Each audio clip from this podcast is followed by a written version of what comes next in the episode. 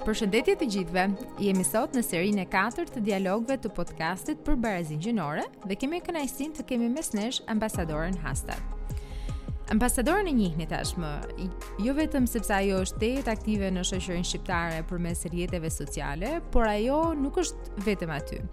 Ndaj, edhe sot mezi presim të dëgjojmë më shumë nga pikëpamjet e saj për barazinë gjinore, jo thjesht për përvojën dhe perspektivën e saj si përfaqësuese e një vendi me një politikë të jashtme feministe, por edhe si një eksploruese kureshtare e shoqërisë dhe peizazhit shqiptar. Pra, faleminderit zonja ambasador për kohën që na jepni dhe presim me padurim bisedën tonë. Thank you Alba. Faleminderit. Alba për mua kjo temë është mjaft tërheqëse. Faleminderit. Pra, uh, le të fillojmë pa marrë shumë kohë me hyrjen. Siç e dini, ambasadorja Hastad ka një përvojë të gjatë në fushën e bashkëpunimit ndërkombëtar, pasi ajo ka punuar në ambasadat suedeze në shumë vende të botës dhe para se të vinte në Shqipëri, ajo asistonte drejtoreshën e përgjithshme të Agjencisë Suedeze për Zhvillim Ndërkombëtar. Ndaj, sigurisht barazia gjinore ka qenë në vëmendjen e saj. Jam kureshtare dhe mendoj se kjo vlen edhe për dëgjuesit tanë. për gjërat që bën Shqipërinë ndryshe si vend për sa i takon barazisë gjinore. Pra, do të doja të dija sipas jush, cili është ndryshimi në Shqipëri në këtë fushë. Ndoshta ndryshimi qëndron në faktin se në disa aspekte ju jeni mjaft të përparuar, por në të njëjtën kohë ju këtë ndryshim e mohoni. Ju e dini edhe vetë dhe mendoj se është fantastik fakti që tani Shqipëria është një lider botëror. Kur bëhet fjalë për përfaqësimin politik, këtu ju keni numrin më të madh të grave ministre në qeveri, çka është një arritje fantastike. Gjithashtu keni shumë gra në parlament, keni një përqindje më të lartë se mesatarja në mbarë botën, çka është gjithashtu fantastike. Këtu takohem me kaq shumë gra të forta, të zgjuara, që shohin nga e ardhmja, dhe kjo është e mahnitshme. Pra, ndryshimi është se ju jeni në të vërtetë një vend udhëheqës në botë.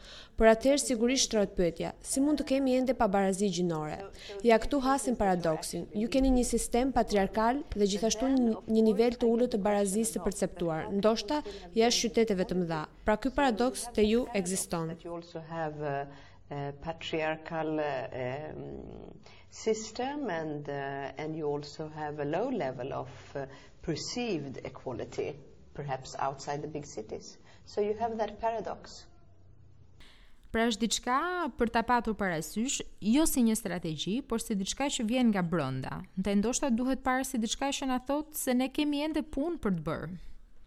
I think that Yes, definitely. Mendoj se po, pa dyshim mbetet shumë për t'u bërë, por mendoj se neve na duhet të vazhdojmë punën, pasi do duhet të përpiqemi të ecim përpara në të gjitha fushat dhe strategjitë dhe tani ju keni rezultate për sa i përket përfaqësimit politik. Por puna e mirë duhet shtrirë edhe në fushat e tjera. Dhe përvoja ime tregon se barazia gjinore nuk mbaron këtu. Edhe ne, ende nuk jemi aq të barabartë sa mendoja gjatë fëmijërisë time në Stokholmin e viteve shtatëdhjetë. Atëherë mendoja se po rritesha në një botë krejtësisht të barabartë. Por më pas, kur gërmova më thellë nëpër shifra, e kuptova që bota nuk ishte aq e barabartë sa mendoja. Ndaj ne duhet të vazhdojmë punën. Por mesazhi im i vërtetë për Shqipërinë është se ju keni arritur shumë. Ndoshta shumë më tepër nga sa mendoni. We need to continue. Uh, but but I but I, my real message here to Albania is that you are doing maybe much better than you think you're doing. Um, faleminderit për inkurajimin dhe po, është një luftë e vazhdueshme për gratë dhe burrat në gjithë botën për të bërë shoqëritë tona më të drejta dhe të barabarta. Ju përmendët Shqipërinë si një vend që kryeson për përfaqësimin politik kur bëhet fjalë për pjesëmarrjen e grave në politikë, por edhe Suedia është lider në kategorinë e saj, do të thosha. Um, Suedia ka qenë vendi i parë në botë me një politikë të jashtme feministe, duke krijuar um, nuk di si ta quaj, më saktë duke përcaktuar ato tri pikat e famshme, të drejtat, përfaqësimin dhe burimet, në mënyrë që gratë t'ia dalin të kenë më shumë barazi gjinore. Duke marrë parasysh përvojën dhe reflektimin që vjen prej Suedisë, që ka një politikë të jashtme feministe, cilat mendoni se janë strategjitë apo mjetet që funksionojnë më mirë për realizimin e barazisë gjinore? I think that we need to have knowledge about the situation. Mendoj se duhet të kemi njohuri për situatën. Na duhet të dimë se si janë gjërat në të vërtetë, na duhet të bëjmë detyrat e shtëpisë dhe të studiojmë veten. Mendoj se çdo vend duhet ta bëjë këtë. Duhet të mbledhim statistika, duhet të kemi fakte. Më lejoni t'ju jap një shembull shumë konkret. Ministrja jonë e Jashtme realizoi punën kërkimore për barazinë gjinore në marrëdhëniet tregtare, dhe ajo zbuloi në fakt se ishte shumë më e vështirë të eksportoje apo importoje bluzat për gra sesa këmishat për burra. Askush nuk e dinte pse, po në fakt kishte më shumë më tepër tarifa doganore dhe pengesa për bluzat e grave kur ishte fjala për eksport dhe import. Askush nuk e kishte vënë re këtë fakt në qendër të vëmendjes më parë, por ajo ishte ministre e tregtisë. Pra, për ta kuptuar, asaj iu desh të bënte një analizë gjinore të tregtisë. Dhe pastaj sigurisht kjo i dha frymëzimin për të parë më thellë, pasi ndoshta ka gjëra të tjera që ne nuk i dimë, sepse nuk i kemi studiuar. Ndaj unë mendoj se duhet t'i kuptojmë faktet ashtu siç duhet. Në këtë mënyrë, ne dimë për çfarë flasim dhe njohim atë që bëjmë. Sigurisht që ne duhet të shpenzojmë fonde nëse kjo është e nevojshme, dhe diçka e tillë e bën Korporata Suedeze e Zhvillimit. Natyrisht fondet nuk janë gjithçka, por financimi është i rëndësishëm. Rëndësi ka edhe përfaqësimi. Mund të thuash se përfaqësimi realizohet më lehtë, por asgjë nuk është e lehtë nëse nuk e ke. Dhe mendoj se kam hasur shumë nënvlerësim të rëndësisë të përfaqësimit në Shqipëri. Këtu Shqipëria ka rritje, dhe siç thashë, njerëzit më pyesin, por a ka rëndësi ky përfaqësim? Po, ne kemi gra të përfaqësuara në vendimmarrje, por nuk është se ato marrin vendim për ndonjë gjë. Unë mendoj se është një argument tejet i dobët, sepse sigurisht që ka rëndësi që ju keni gra në pozicione vendimmarrëse. Kjo është ajo për të cilën përpiqen vendet e tjera. Dhe pse ka rëndësi nëse jemi të gjithë njësoj? Ka rëndësi sepse ne kemi këndvështrime të ndryshme dhe ka rëndësi pasi vijmë me përvoja të ndryshme dhe ka rëndësi sepse është një model.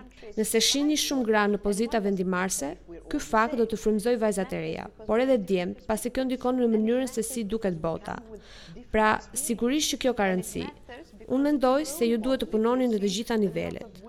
Kur fillova të punoja për qeverinë suedeze, këtu e njëzet vjet më parë, pothuajse nuk kishte asnjë ambasadore grua.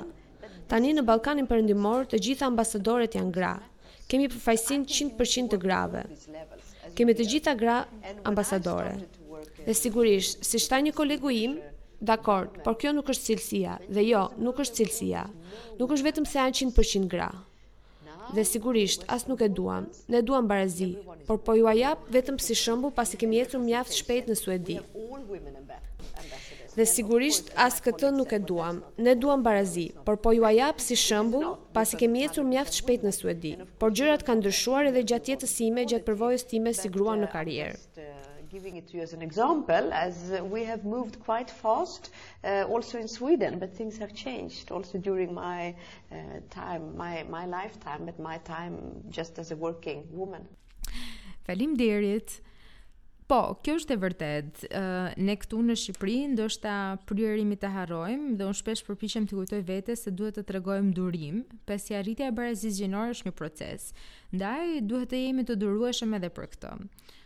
Por unë do doja gjithashtu të risillja në bisedë diçka që ju përmendët, ë uh, shembullin e ministres së, së tregtisë. Ky shembull na tregon që neve na duhet të shohim çdo temë apo fushë nëpërmjet perspektivës gjinore.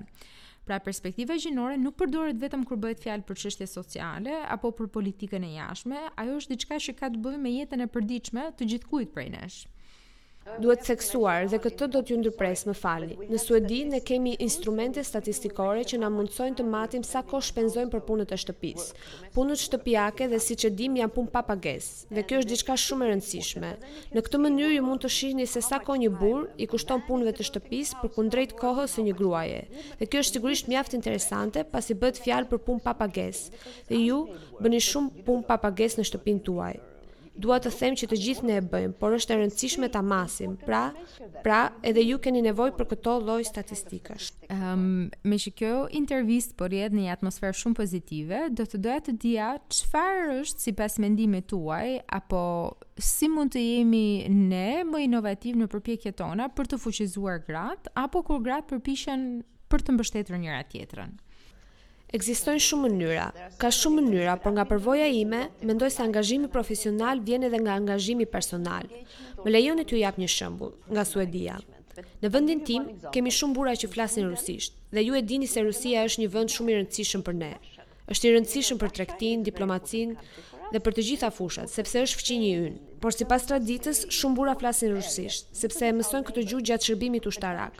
Vetë unë flas rusisht, Dhe shumë shpesh më thonë se nuk po arrijmë të punësojmë asnjë grua që flet rusisht dhe pastaj më duhet të reflektoj se ndoshta nuk arrijmë të punësojmë personin e duhur, pasi po kërkojmë vetëm mes burrave.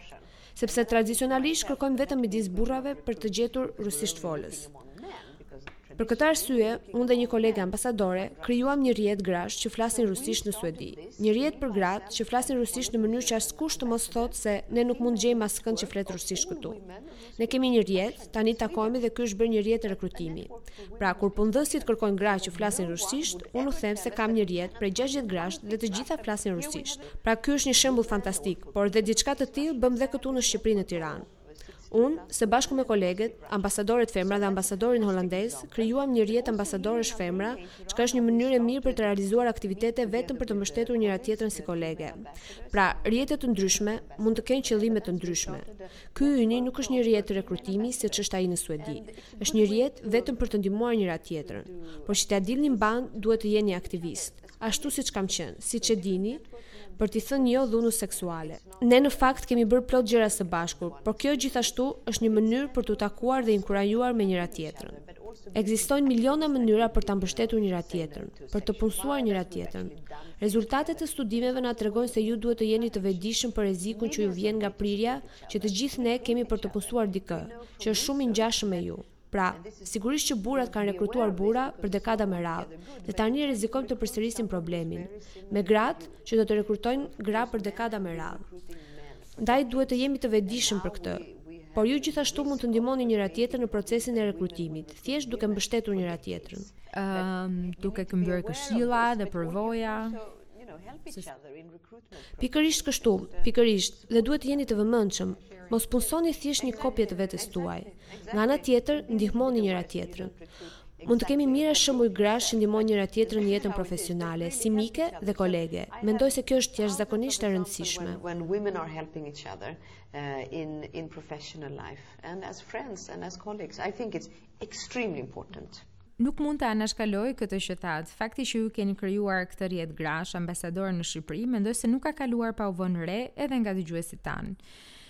Mendoj se ky është një shembull mjaft domethënës që na tregon se si ju ishit proaktive në mbështetjen e grave të tjera, por edhe diçka që ju keni realizuar në një vend të ri, në një kontekst të ri.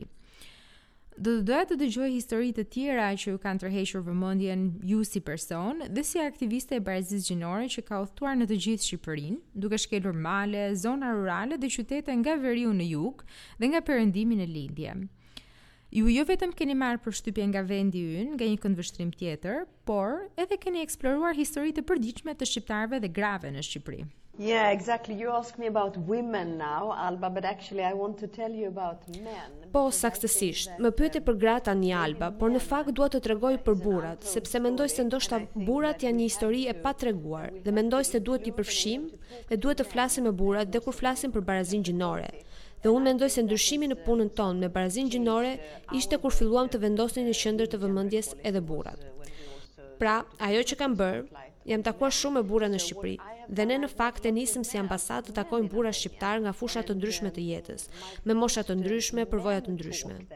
Ajo që më bëri përshtypje ishte se ata ishin shumë të hapur dhe në fakt, ndoshta kjo është përshtypja më e madhe që kam nga Shqipëria, fakti se njerëzit janë të çiltër dhe të hapur. Me këtë grup burrash ne u takuam dhe ata filluan të flasin shumë çiltërsisht se çfarë do të thotë të jesh burrë, sepse për të thyer stereotipat dhe normat gjinore duhet të mendojmë pak se çfarë përfaqësojmë dhe pse. Si dhe pse mund të ndryshojmë? Dhe si mund ta bëjmë këtë? Mm, ju duhet të gërmoni pak në jetën tuaj dhe thjesht të mendoni, çfarë marrëdhëniesh kam pasur me nënën time, me babanë tim, kush jam unë, kush dua të jem?